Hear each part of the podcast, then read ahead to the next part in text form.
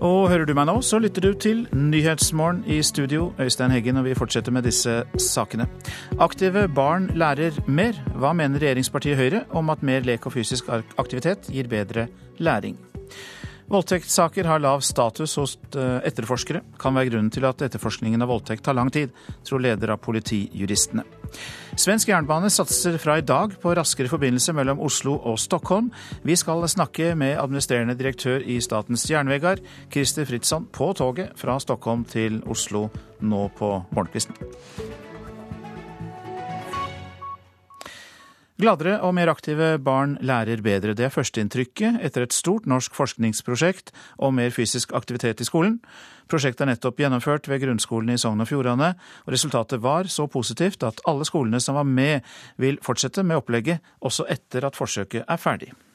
20? 24? Uh, ja, men ta i ett år har alle femteklassingene ved rundt 30 skoler i Sogn og Fjordane vært med i ASK, eller Active Smarter Kids-prosjektet.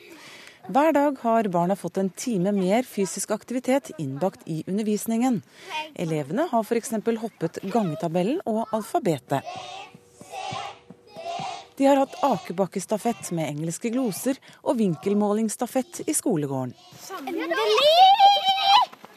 Målet med undersøkelsen var å se hvordan mer bevegelse påvirker skolebarna, forteller Geir Kåre Resaland, som er førsteamanuensis ved Høgskolen i Sogn og Fjordane og koordinator for ASK-prosjektet. Vi har undersøkt om daglig fysisk i skolen har en effekt på læring, på folkehelsa og på trivsel. Forsøket ble avsluttet før sommeren, men de vitenskapelige resultatene er ikke klare før mot slutten av året. Skolene som var med i prosjektet har imidlertid ikke brydd seg om å vente på vitenskapen. For så godt som alle skolene syns resultatene var så bra at de vil fortsette med opplegget på egen hånd nå når barna kommer tilbake fra sommerferie. En av de er Vassenden skole i Jølster, her ved rektor Anne Cecilie Kapstad. Altså Tilbakemeldingene fra elever i 5. klasse, vi har hatt en sånn Questback på slutten av året, der det tyder jo på at enkelte opplever at de har lært mer, det har vært kjekkere måter å lære på, de har hatt det gøy. Når man måtte fått en annen hverdag, når man har vært ute og leika og liksom hatt det morsomt ute, og ikke bare sittet inne og skrevet. Lærerne de eh, opplever at de får eh, jobbe med elevene på en eh, litt annen måte enn hva inne i klasserommet, samtidig som en får ha det faglige fokuset i en kombinasjon med fysisk aktivitet. Man får lov til å være ute og ha litt frisk luft, utenfor å sitte inne hele dagen. Og så lærer man fortsatt mer. For Esaland er prosjektet vel så mye rettet mot forebyggende helse. Han viser til økningen i livsstilssykdommer, som er et voksende problem i vår del av verden. Og Den eneste plassen i samfunnet der du kan nå alle barn, eller mange barn, um, over lang tid, det er i skolen. Så jeg tror at um, skoleverket har et stort uh, folkehelseansvar. 24. Rektor Kapstad er så fornøyd med ASK-prosjektet at hun nå har bestemt seg for å innføre mer fysisk aktivitet, ikke bare for femteklassingene, men for alle elever fra første til tiende trinn.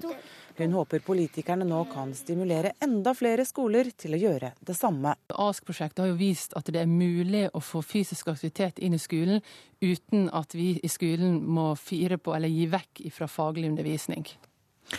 Reportere her Kristina Nøymann og Halvor Farsund Storvik. Velkommen, Kristin Vinje. Tusen takk skal du ha. Du sitter i Stortingets utdanningskomité for regjeringspartiet Høyre. Og barn som hopper i gangetabellen og aker med engelske gloser, er det en skole Høyre tror på?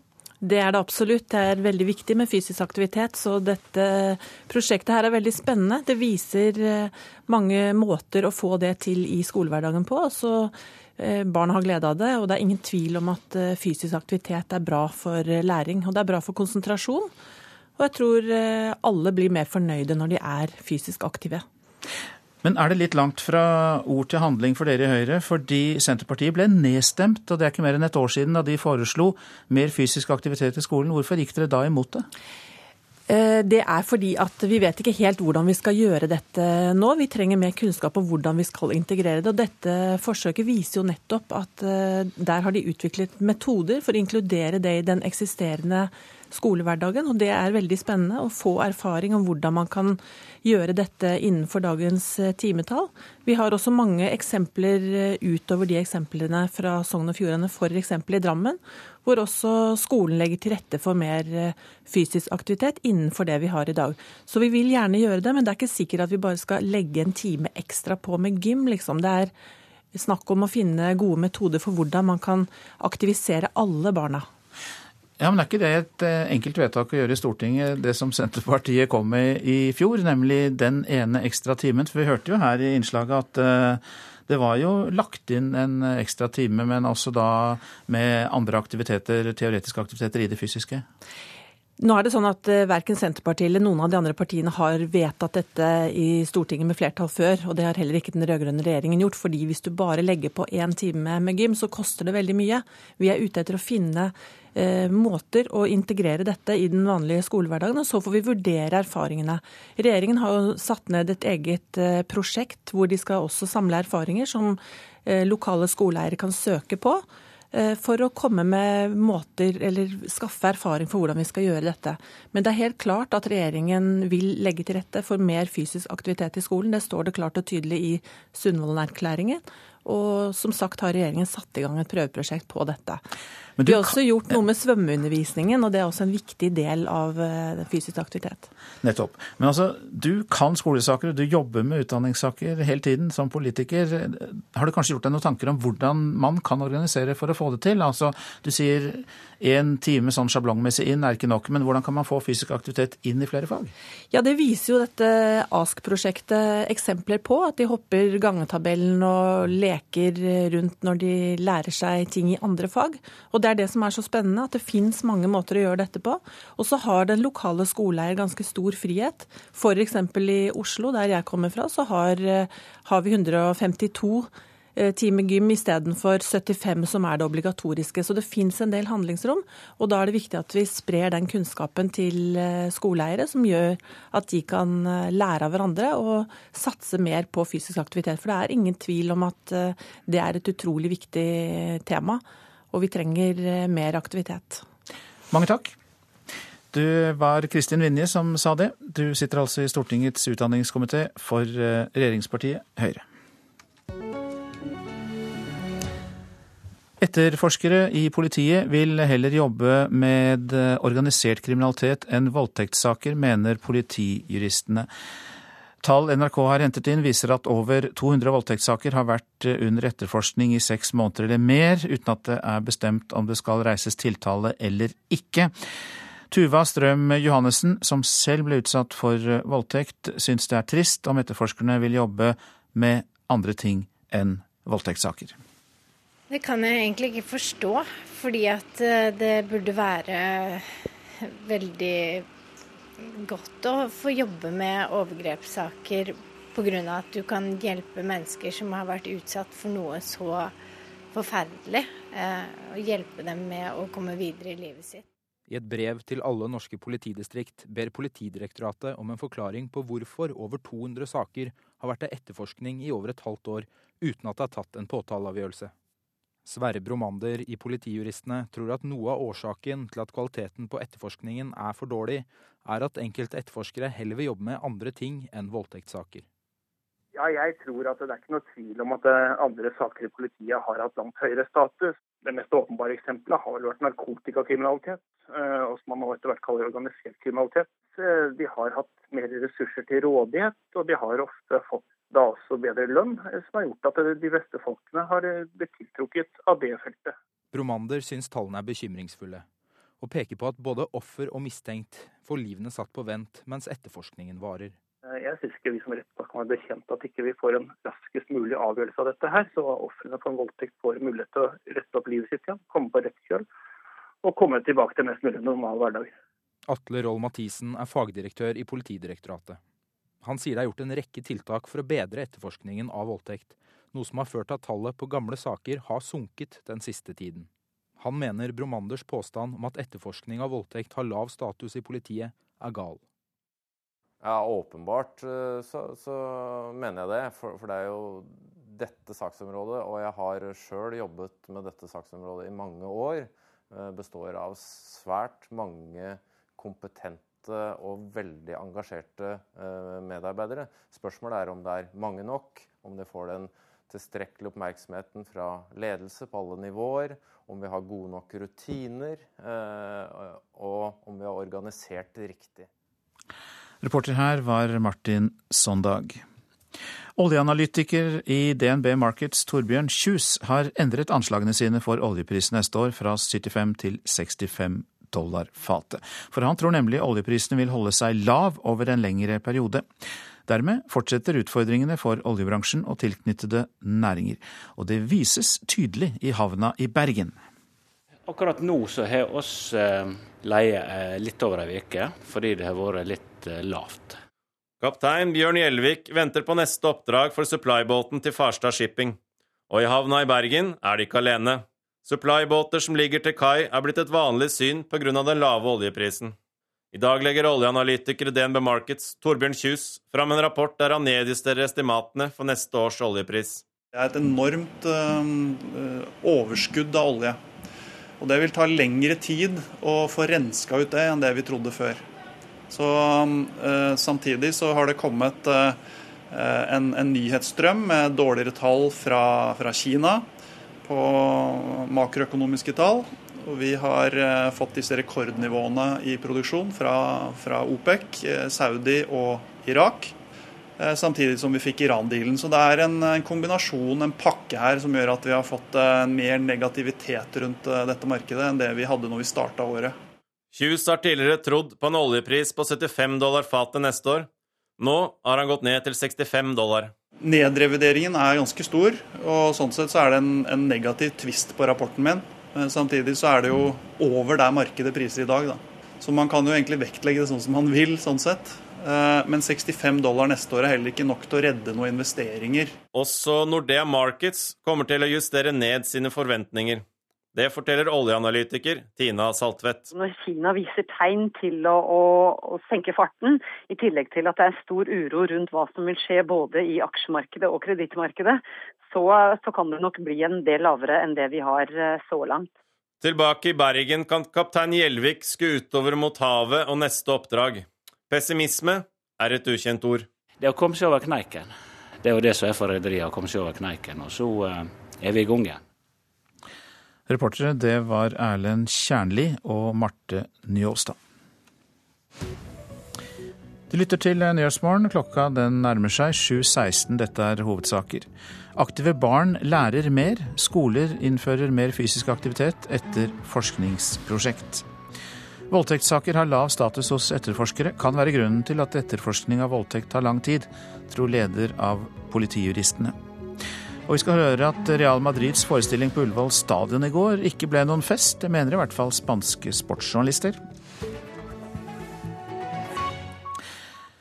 Statens eh, jernvegar, svenskenes NSB, kutter fra i dag reisetida mellom Oslo og Stockholm med halvannen time, fra seks til fire og en halv. Og det gjør de ved å sette inn sin raskeste togtype X2000 med tre daglige avganger i begge retninger. Og administrerende direktør i SI, Christer Fritzson, riktig god morgen til deg. God morgen. Du gikk på toget i Stockholm så vidt jeg vet, for litt over to timer siden. Er dere i rute ja, på vei til Oslo? Vi er på full fart mot Oslo. Hvor er du? Vi har presis passert Katrineholm, så vi er eh, avnyttet en frokost på morgenen her. Alt går på skinner. Hvorfor denne satsingen? Nei, Norge er jo Sveriges viktigste handelspartner og reiser rundt 1,4 millioner affärsresenärer mellom Stockholm og Oslo hver år. Og da er det eh, en stor marknad der vi vil erbjuda en miljøriktig resande for våre eh, affärsresenärer. Hvordan skal dere klare å konkurrere i eh, ja, både luksus og pris for å trekke til dere businessfolk? Ja, men vi vet at vi har en veldig attraktiv produkt der man kan dels reise miljøriktig, men vi har også en, en produkt der man kan jobbe medan man reiser og være veldig effektiv. Vi ser jo at vi har eh, eksempel, eh, en linje som er mellom Stockholm og Malmö som tar også 4,5 timer. Og der har vi 40 markedsandel mot, mot flyget. Så det är den marknaden som vi fokuserar på. Det är 1,4 miljoner affärsresenärer och vi räknar med att inledningsvis ta ungefär 10-15% marknadsandel. Men över tid så räknar vi med att kunna komma upp mot en samma marknadsandel som vi har Stockholm Malmö, alltså 40% Ja, 40% Men er det også andre strekninger mellom våre to land som dere vurderer, altså f.eks. Oslo-Göteborg videre ned mot uh, Malmö, København? Men I et første skede så fokuserer vi på Stockholm-Oslo, det er den store strekken. Men I et senere skede får vi titta på om vi kan utvikle den mot Göteborg og Malmö. Men her har vi mulighet til å kunne erbjuda en restid på 4,5 timer, og da vet vi at vi er veldig konkurrenskraftiga mot flyget. Derfor tittar man på eh, Når man reiser med flyg så er det mange delstrekker du må reise for å kunne komme fram. Her åker fra city til city og sitter på en obruten resa som gjør at det blir veldig effektivt for affärsresenärerna. Så vi vet at vi er veldig konkurrenskraftige. Gjør dere dette for å kompensere for den konkurransen dere har blitt utsatt for av private aktører i, Stok i Sverige, bl.a. mellom Göteborg og Stockholm? Nei, Norge er veldig viktig, eller den viktigste handelspartneren Sverige har. og Derfor er det viktig å kunne ha en, en bra eh, mulighet for affärsresenärerna å transportere seg. Og nå har man et miljøriktig sett å transportere seg også. Så det er den vår fokus. Og det er en stor marknad, 1,4 millioner resenærer. Så det er det vi fokuserer på. Takk skal du ha, administrerende direktør i SI, Christer Fritzson. Eh, på toget på vei til Oslo, for i dag så innledes altså denne raskere forbindelsen mellom Oslo og Stockholm. Og så tar vi med også når det gjelder tog at Bergensbanen er stengt for togtrafikk mellom Ål og Geilo pga. problemer med strømtilførselen. I Istanbul har væpnede menn skutt mot USAs konsulat i den tyrkiske storbyen. Det er ikke klart om noen er skadet. Gjerningsmenn rømte fra stedet kort tid etter, melder CNN Tyrk. Angrepet kommer kort tid etter at flere personer ble såret i en bombeeksplosjon ved en politistasjon i, byen, og der ble sju personer såret. Det var altså i eh, Istanbul. I går kveld ble det arrangert minnemarkeringer i Ferguson i Missouri, USA, for Michael Brown. Den svarte 18-åringen ble drept av en politimann 9.8 i fjor, og det førte til protester over hele USA. Like før sending fortalte USA-korrespondent Gro Holm meg mer om disse markeringene. Ja, I går så var det rundt 1000 mennesker som deltok i markeringene, som startet med fire og et halvt minutts stillhet. Eh, som eh, skulle symbolisere de fire og en halv timene Michael Brown lå eh, på asfalten død uten at eh, han ble fjernet. Og så marsjerte følget til en kirke ca. tre km unna, hadde minnegudstjeneste der. For øvrig så ble det følget stanset på grunn av, midlertidig pga. skyting et annet sted, men de hadde altså ingen sammenheng, og de fikk fortsette. Og Tidligere i helgen så eh, hadde da sørgende plassert ut fargerike teddybjørner Eh, levende lys og blomster på det stedet hvor han ble drept. og Det er veldig vanlig i disse sakene hvor svarte er blitt drept av hvite politimenn. Eh, for øvrig så har også, forsøkte også demonstranter å overleve et svidd grisehode politi, med politilue til politiet, men det ble selvfølgelig avvist. Og politiet har forholdt seg eksemplarisk og veldig rolig eh, denne gangen.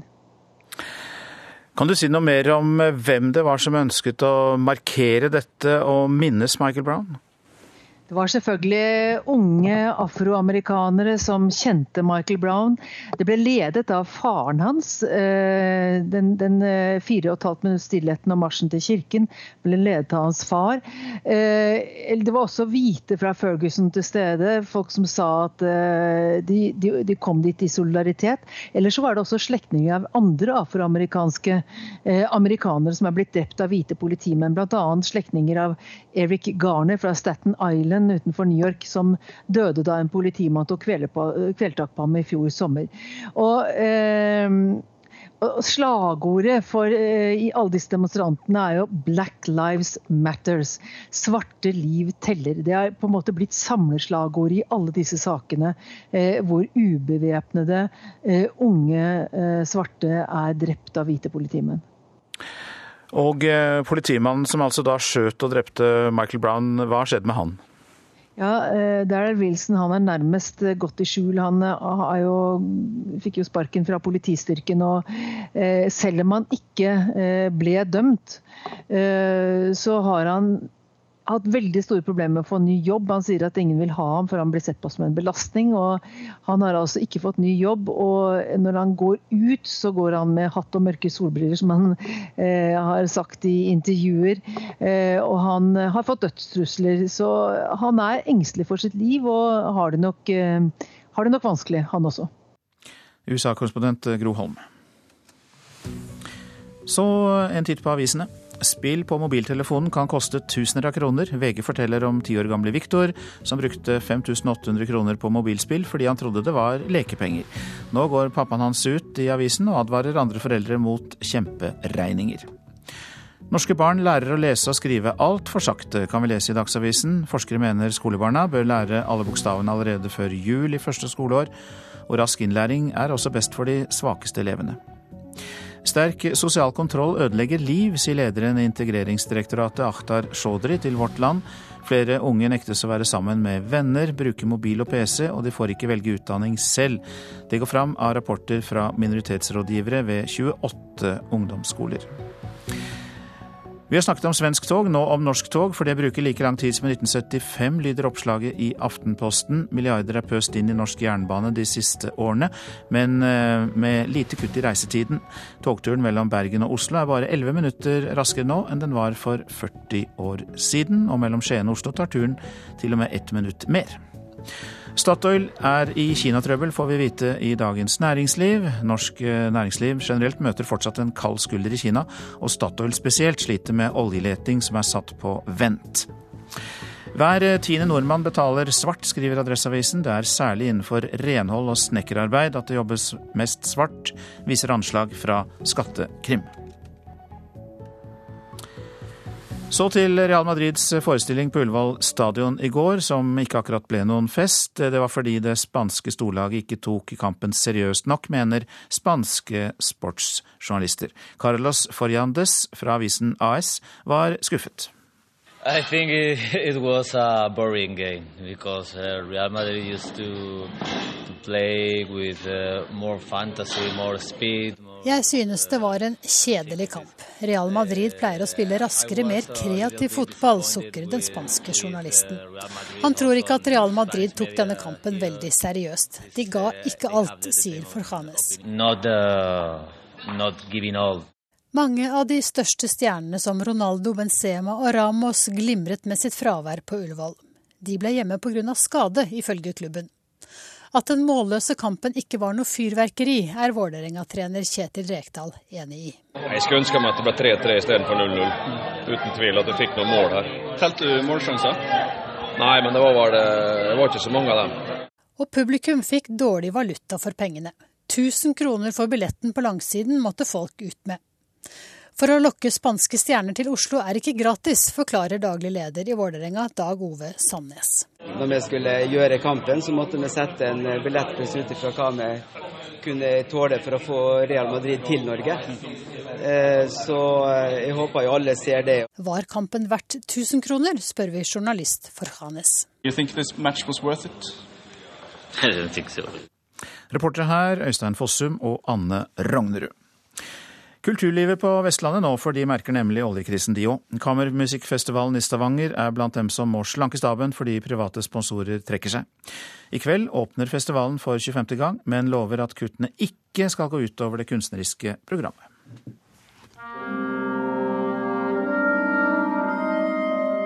Altså Musikerne samles i dette stykket på en måte før festivalen starter. Og så i løpet av fanfaren så finner de fram til et eller annet felles sier Nils Henrik Asheim, som har skrevet en ny fanfare til åpningen av Kammermusikkfestivalen i Stavanger domkirke i kveld. Den er basert på Mozarts Sinfonia Concertante. Den er bygd på de første tonene som ble spilt på den første festivalen for 25 år siden. Og det var Mozart. Dermed får kulturminister Toril Vidvei og resten av publikum på kveldens åpningskonsert høre det stykket som Mozart selv visstnok skal ha ment var hans beste. Og ved klaveret i kveld sitter kunstnerisk leder for festivalen, Christian Ile Hadland. I år er det ingen rød tråd. I år er det kun blått til lyst. Alle favorittverker. Dette smeller vi nå sammen.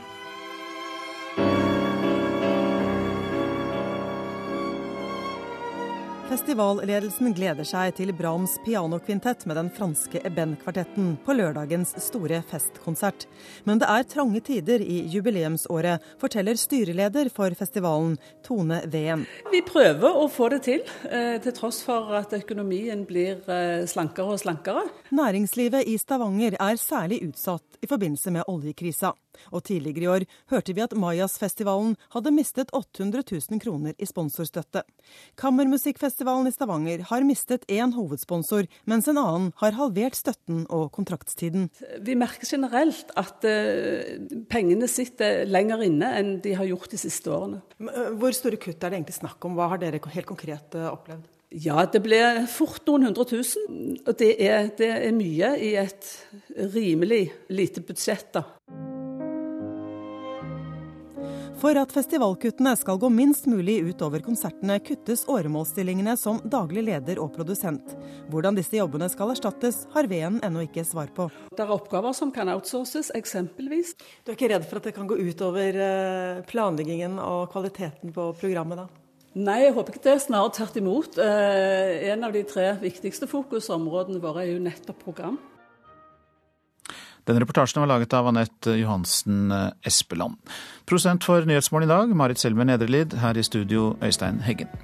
Finansminister Siv Jensen møter LO-leder Gerd Kristiansen i Politisk kvarter kvart på åtte, og arbeidsledighet er tema. I reportasjen etter Dagsnytt skal vi høre om Ungarns stålgjerde mot flyktninger. Nyhetsmorgen fortsetter med mer om disse sakene. Høyre mener mer forskning må til før skoler blir pålagt å gi barn mer fysisk aktivitet. Senterpartiets førstekandidat i Oslo vil innføre skoleuniform. Og voldtektssaker har lav status hos etterforskere, hørte vi i Dagsnytt. Vi får også mer om det. Ja, gladere og mer aktive barn lærer bedre, det er førsteinntrykket etter et stort norsk forskningsprosjekt om mer fysisk aktivitet i skolen. Prosjektet er nettopp gjennomført ved grunnskolene i Sogn og Fjordane, og resultatet var så positivt at alle skolene som var med nå vil fortsette med opplegget, også etter at forsøket er ferdig. 20. 24. I ett år har alle femteklassingene ved rundt 30 skoler i Sogn og Fjordane vært med i ASK, eller Active Smarter Kids-prosjektet. Hver dag har barna fått en time mer fysisk aktivitet innbakt i undervisningen. Elevene har f.eks. hoppet gangetabellen og alfabetet. Målet med undersøkelsen var å se hvordan mer bevegelse påvirker skolebarna, forteller Geir Kåre Resaland, som er førsteamanuensis ved Høgskolen i Sogn og Fjordane og koordinator for ASK-prosjektet. Vi har undersøkt om daglig fysisk i skolen har en effekt på læring, på folkehelsa og på trivsel. Forsøket ble avsluttet før sommeren, men de vitenskapelige resultatene er ikke klare før mot slutten av året. Skolene som var med i prosjektet har imidlertid ikke brydd seg om å vente på vitenskapen. For så godt som alle skolene syns resultatene var så bra at de vil fortsette med opplegget på egen hånd nå når barna kommer tilbake fra sommerferie.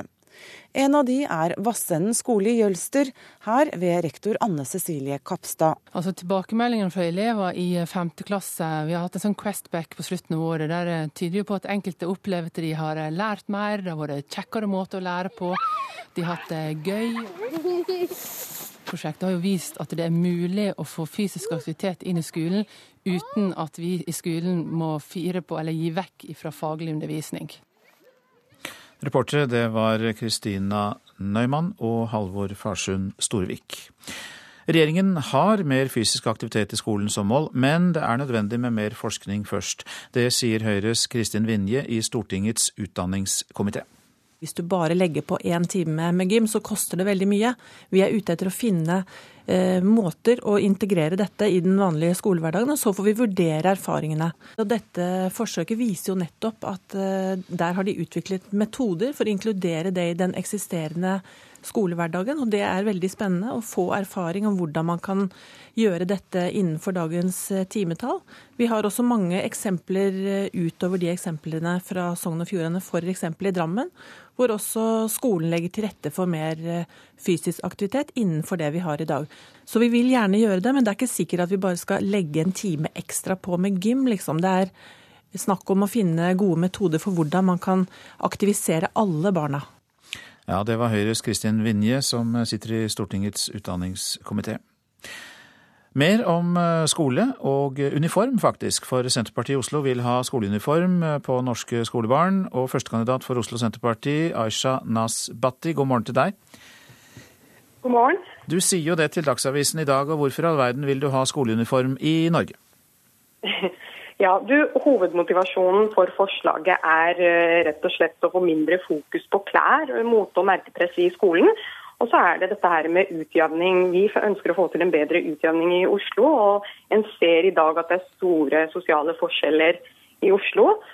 Og skoleuniform kan jo være med på å redusere mye av det økonomiske presset foreldre opplever. Og jeg må også nevne i forbindelse med dette her at eh, Fattigdomsrapporten eh, til Nav fra 2014 viste jo, dokumenterte jo at fattigdommen er eh, økende. og da spesielt blant unge. Og i Oslo er det jo særlig konsentrasjon av levekårsutfordringer og barnefattigdom.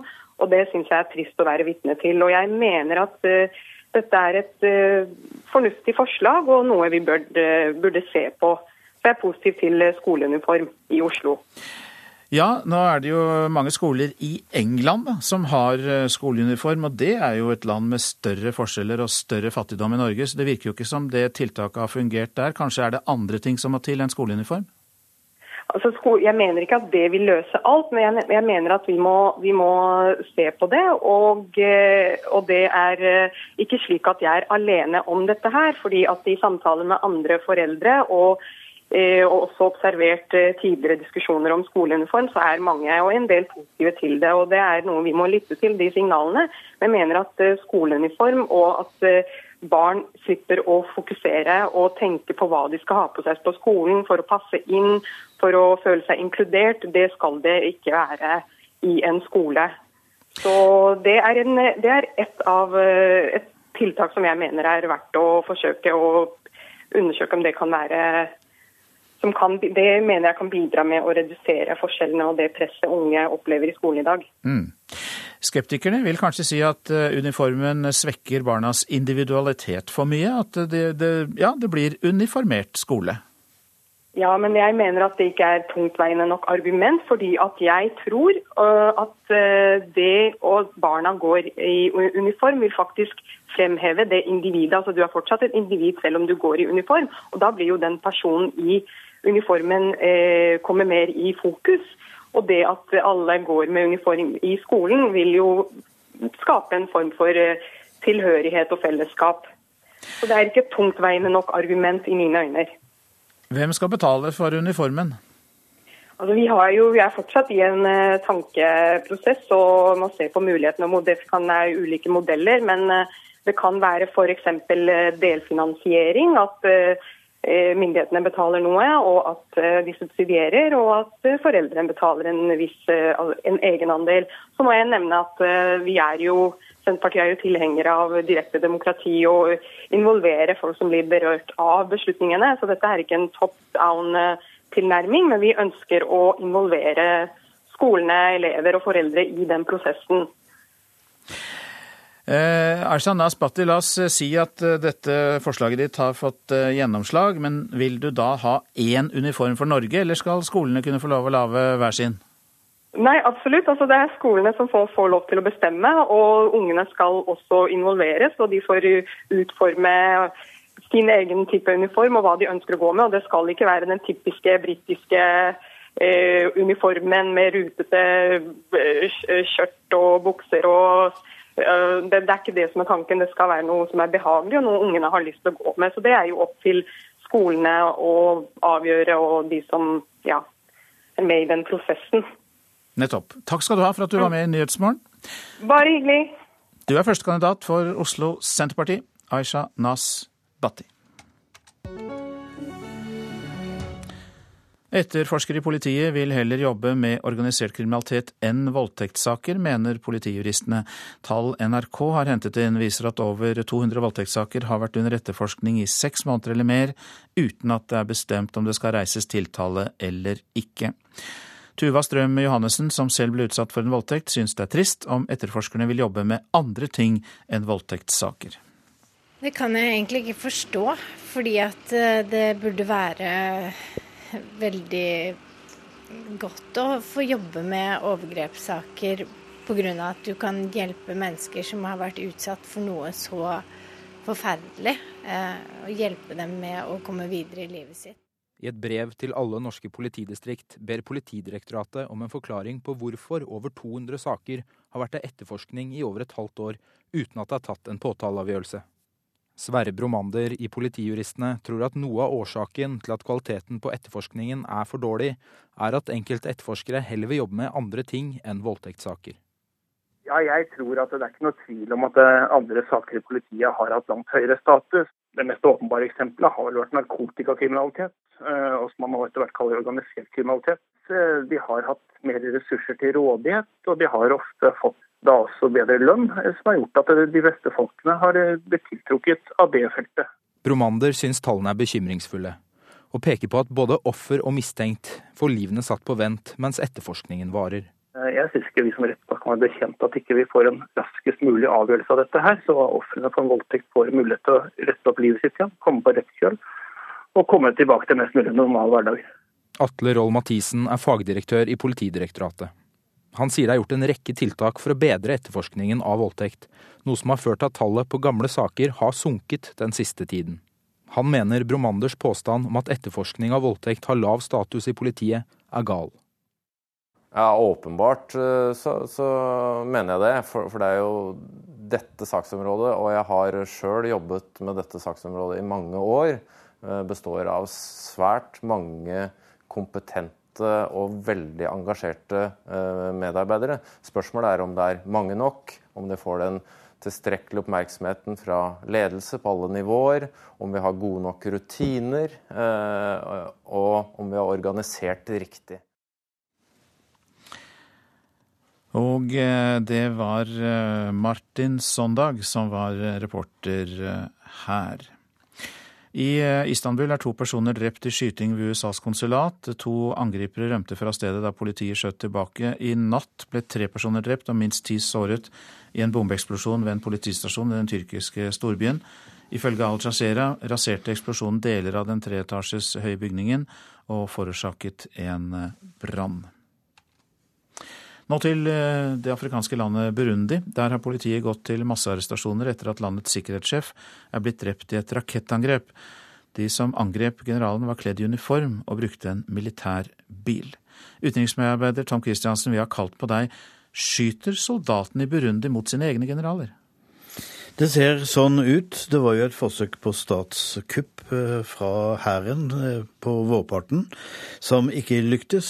Det er eh, divergerende meninger om presidenten Sisa, som jo har tatt sin tredje valgperiode, som er imot Grunnloven, og som han er en meget upopulær mann.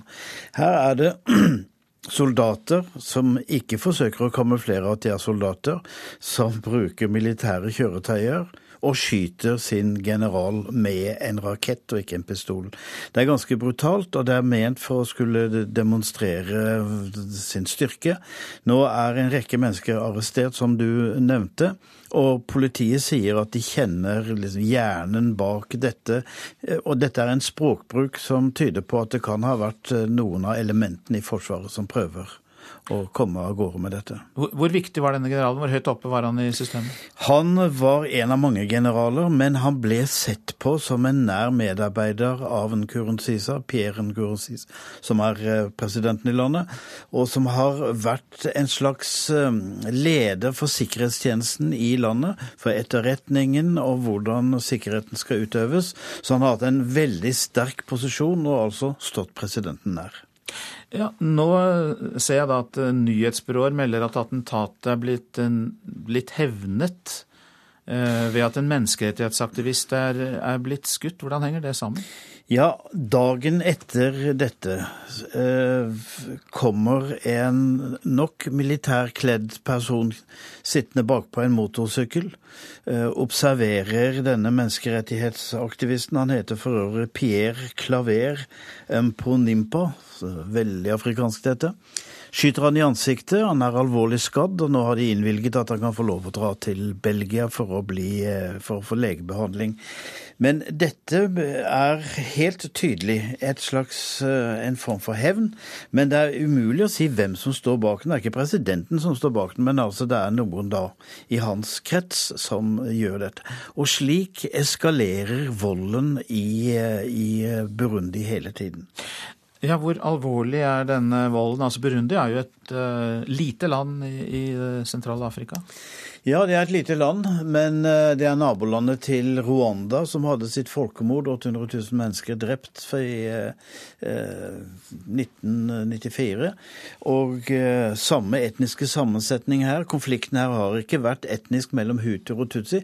Den kan fort bli det. Og FNs stedlige representant i, i Burundi sier at hele regionen kan gå av skaftet hvis dette fortsetter å utvikle seg. og Burundi Burundi kan gå i oppløsning som et land. Så det internasjonale samfunnet har et stort ansvar som det ikke tar, ifølge FNs stedlige representant. Mange takk for den oppdateringen, utenriksmedarbeider Tom Christiansen. Du lytter til Nyhetsmorgen, og klokka den passerte nettopp 8.47. Dette er hovedsaker. Høyre mener mer forskning må til før skoler blir pålagt å gi barn mer fysisk aktivitet. 30 skoler som har deltatt i et prøveprosjekt, er så fornøyde at de vil videreføre ordningen. Voldtektssaker har lav status hos etterforskere. Kan være grunnen til at etterforskning av voldtekter tar lang tid, tror av, lederen av politijuristene. Og I Tyrkia er til sammen fem mennesker drept og flere såret i to angrep. Det ble skutt mot det amerikanske konsulatet i dag tidlig i Istanbul, og en bombe eksploderte utenfor en politistasjon i denne tyrkiske storbyen i natt. Nå hjem igjen til norsk politikk. Å bruke skattelette for å hindre arbeidsledighet fungerer mot sin hensikt. Det koster rett og slett arbeidsplasser, ja det sier LO. Men svaret fra finansministeren er at det er useriøst. Det mener altså Siv Jensen. LO-leder Gerd Kristiansen mener vi kunne hatt 20 eh, 000 flere jobber her i landet dersom regjeringen hadde brukt pengene annerledes. Det er jo sånn når man legger opp et statsbudsjett at man kan bruke det pengene på aktivitet, eller man kan bruke den på å kutte skatter. Og regjeringa har valgt å kutte skatter.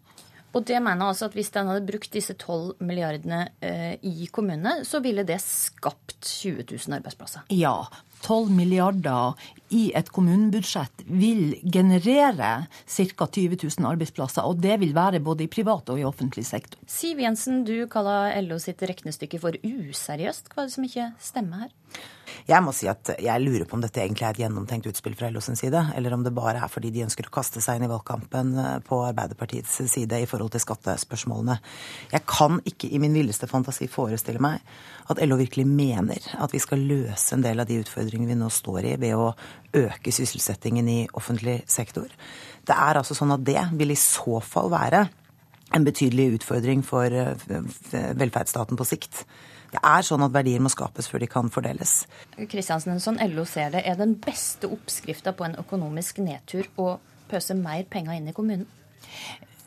Om du pøser mer penger inn i kommunen, så betyr det jo ikke nødvendigvis arbeidsplasser i kommunen. Det spørs jo hva Nei, du gjør. Men er det oppskrifta for å øh, få lavere arbeidsløse, å gi mer penger til kommunen og ikke til skattelette? Vi tror det, ja. Den veksten som Siv Jensen mener hun skal få med å innføre skattelette, den, den kommer ikke. Man må nedskrive veksten. Eh, og det har man måttet gjort flere ganger etter at man begynte å legge inn skattelette som virkemiddel. Nå er det jo sånn at effektene av skattereduksjoner kommer etterskuddsvis. Men all Eh, forskning viser jo at det kan ligge betydelige eh, dynamiske effekter i skattereduksjoner. Det var et utdrag fra Politisk kvarter, programleder Astrid Randen. Oljeprisen kommer til å bli lav lenge, det tror oljeanalytiker i DNB Markets Torbjørn Kjus. Han har endret sine anslag for oljeprisen neste år fra 75 til 65 dollar fatet. Og dermed fortsetter utfordringene for oljebransjen og tilknyttede næringer. Og det vises tydelig i havna i Bergen. Akkurat nå så har oss eh, leie eh, litt over ei uke, fordi det har vært litt eh, lavt. Kaptein Bjørn Gjelvik venter på neste oppdrag for supply-båten til Farstad Shipping. Og i havna i Bergen er de ikke alene. Supply-båter som ligger til kai, er blitt et vanlig syn pga. den lave oljeprisen. I dag legger oljeanalytiker i DNB Markets, Torbjørn Kjus, fram en rapport der han nedjusterer estimatene for neste års oljepris. Vi nedreviderer synet på øh, oljemarkedet mer frem i tid. At det blir lavere for lenger. Kjus har tidligere trodd på en oljepris på 75 dollar fatet neste år. Nå har han gått ned til 65 dollar. Nedrevideringen er ganske stor, og sånn sett så er det en, en negativ tvist på rapporten min. Men samtidig så er det jo over der markedet priser i dag, da. Så man kan jo egentlig vektlegge det sånn som man vil, sånn sett. Eh, men 65 dollar neste år er heller ikke nok til å redde noen investeringer. Også Nordea Markets kommer til å justere ned sine forventninger. Det forteller oljeanalytiker Tina Saltvedt. Når Kina viser tegn til å, å, å, senke farten, i tillegg til at det er stor uro rundt hva som vil skje både i aksjemarkedet og kredittmarkedet, så, så kan det nok bli en del lavere enn det vi har eh, så langt. Tilbake i Bergen kan kaptein Gjelvik skue utover mot havet og neste oppdrag. Pessimisme er et ukjent ord. Det å komme seg over kneiken. Det er jo det som er for rederiet, å komme seg over kneiken. Og så uh, er vi i gang igjen. Reporter det var Erlend Kjernli. Minst 50 kommuner må slå seg sammen for å nå regjeringens mål om å redusere antall kommuner til 400. Kommunene har frist til mai neste år med å vedta hvilke naboer de vil slå seg sammen med. Tre kommuner har så langt blitt enige om å slå seg sammen, men dette er langt fra regjeringens mål når antall kommuner skal reduseres de neste årene. Det foregår forhandlinger mellom kommuner rundt om i landet, skriver Aftenposten. Men statsminister Erna Solberg sier til avisen at hun ikke er fornøyd hvis antall kommuner fortsatt er over 400 når prosessen er over. Solberg sier minst 50 kommuner må slå seg sammen, og ber Arbeiderpartiets leder Jonas Gahr Støre om å bidra i prosessen. Målet er å ha en ny kommunestruktur klar for stortingsvedtak i 2017. Og det sa reporter Ellen Omland. Nå skal vi høre at hele kongefamilien med barn og barnebarn ferierer i Finnmark. En privat familietur er det, som kongeparet har ønsket å gi til barnebarna. Men i Varde så inviterte kongehuset likevel pressen til en uformell pressekonferanse, og prinsessene og prinsen startet showet med litt heiarop.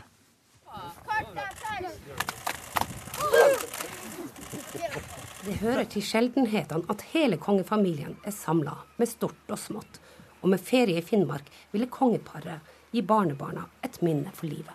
Så vi tenkte at det skulle være hyggelig å ta en uh, liten tur med, med, hele familien samlet. Men det er også det at uh, vi ville gjerne vise barnebarna Nord-Norge og Finnmark. Så syns vi at er på sin plass. Og nå er de blitt så gamle at nå kommer de til å huske denne turen. Det håper vi iallfall. Ja. Mm. Fredag starta det hele i Sør-Varanger. Og hva passer bedre enn kongekrabbefiske for de kongelige? Ja, For det første så startet vi jo ut eh, med litt eh, kongekrabbe. Og det var veldig, veldig vellykket. Og var i en gamme langt ute i Jarfjorden. Og opplevde den eh, naturen og kulturen der. Kronprinsen og kronprinsessen dykket, og barna var i overlevningsdrakter. Det var en festlig dag. Men i går begynte vi jo på Oscar 2. eller ved Oskar 2.s kapell i grense Jakobselv. Syns det var litt viktig at de fikk lov til å se hvor grensen går mellom Russland og Norge. Så de realiserer hva det er. Og videre var vi jo oppe i tårnet på um, Elvenes, Elvenes ja, hvor vi kunne se hele ned til Boris Gleb og inn i Russland. Som jo er ganske fint å kunne få festet på netthinnen. Og i dag er det jo festningen, selvfølgelig. Og også heksemonumentet. Som jo er sterkt, men er veldig fint allikevel, håper vi å få med seg. Så er det både historie og opplevelse dere ønsker å gi barnebarna? Ja, det er jo begge deler. Absolutt. Ja. Det er jo vitsen, det. Bare historie tror jeg ikke. Da tror jeg interessen dalte ganske fort. Men hvorfor nettopp Finnmark? Jo, fordi det ligger såpass langt bort. Det er jo landets største fylke og minst befolkede. Og våre barnebarn kjenner ganske mange steder rundt om i verden, men ikke Norge så godt i nord, da. Så vi syns vel kanskje det var en god idé. Det var på tide. Ja, å vise det. For det er jo så mye fascinerende her. Så virkelig flott. Dere har jo vært på privatturer her mange, mange ganger. og um, Er det liksom høydepunkter dere nå vil vise fram til? Det er selvfølgelig det. Ja. Det har vært rekognosering i noen år, kan man si. Finnmarksferien varer i enda noen dager, og kongefamilien setter stor pris på at de har fått lov til å gå i fred her nord, uten så altfor mange skuelysne. Så reiseruta, den vil de ikke røpe. Ja, det var det vi ikke helst vil si, da. vi skal jo videre langs Finnmarkskysten, da. Det skal vi. Nå må dere bare ordne været, at det blir litt bedre. Vi fikser det. Ja, det varmere, Ja. Vi fikser det. Ja, det er snilt. Tusen takk. Og det var vår reporter Silja Arvela som møtte de kongelige der. Og vi ønsker velkommen til statsmesterlag Siri Wiberg Horjen. Sommeren er på hell, folk strømmer tilbake til jobb, snart også skole. Spørsmålet til deg blir da om vi likevel kan hygge oss med sommertemperaturer. Ja, nå var det jo ganske varmt uh, i går. Maksimum det hadde Sunndalsøra med 23,4 grader. Og jeg tror også vi får sommertemperaturer mange steder i dag. I hvert fall i lavlandet i Sør-Norge. Kanskje unntaket er Sogn og Fjordane. Mens i Nord-Norge vil det nok ligge rundt 15 grader, vil jeg tro. Men der blir det i hvert fall varmere i morgen, så de har noe å glede seg til. Men på Østlandet, i Telemark og på Sørlandet så blir det stort sett oppholdsvær og perioden med sol i dag. Vestlandet sør for Stad får vind fra sør og sørøst, og her blir det liten kuling på kysten. Og det blir skyet eller delvis skyet, og så kan det komme litt eh, småregn av og til. Men i Rogaland så blir det stort sett oppholdsvær. Møre og Romsdal og Trøndelag får også for det meste oppholdsvær, og også perioder med sol, men så kan det gå en og annen spredt byge, og det er vesentlig langs kysten i sør. Nordland får vind fra sør-øst, og det blir frisk bris utsatte steder, også her enkelte regnbyger. Det er også utrygt for torden i de indre strøkene, men så blir det gradvis lettere vær på kysten fra Bodø og sørover, med etter hvert opphold også lettere skydekke. Også Troms og Finnmark får delvis skyet og for det meste oppholdsvær, men så dukker det opp regnbyger i Troms i ettermiddag. Kan også dukke opp en og annen byge i Finnmark i ettermiddag, og så er det uttrykk for torden i Troms. Og til slutt så tar vi Spitsbergen som får oppholdsvær, og etter hvert så blir det også litt sol her. Mange takk skal du ha, statsministerlog Siri Wiberg Horjen. Da gjenstår å si at ansvarlig for nyhetssendingene på morgenen var Sven Gullvåg. Produsent for Nyhetsmorgen, Marit Selmer Nedrelid. Teknisk ansvarlig i dag, Espen Hansen. Og her i studio, Øystein Heggen.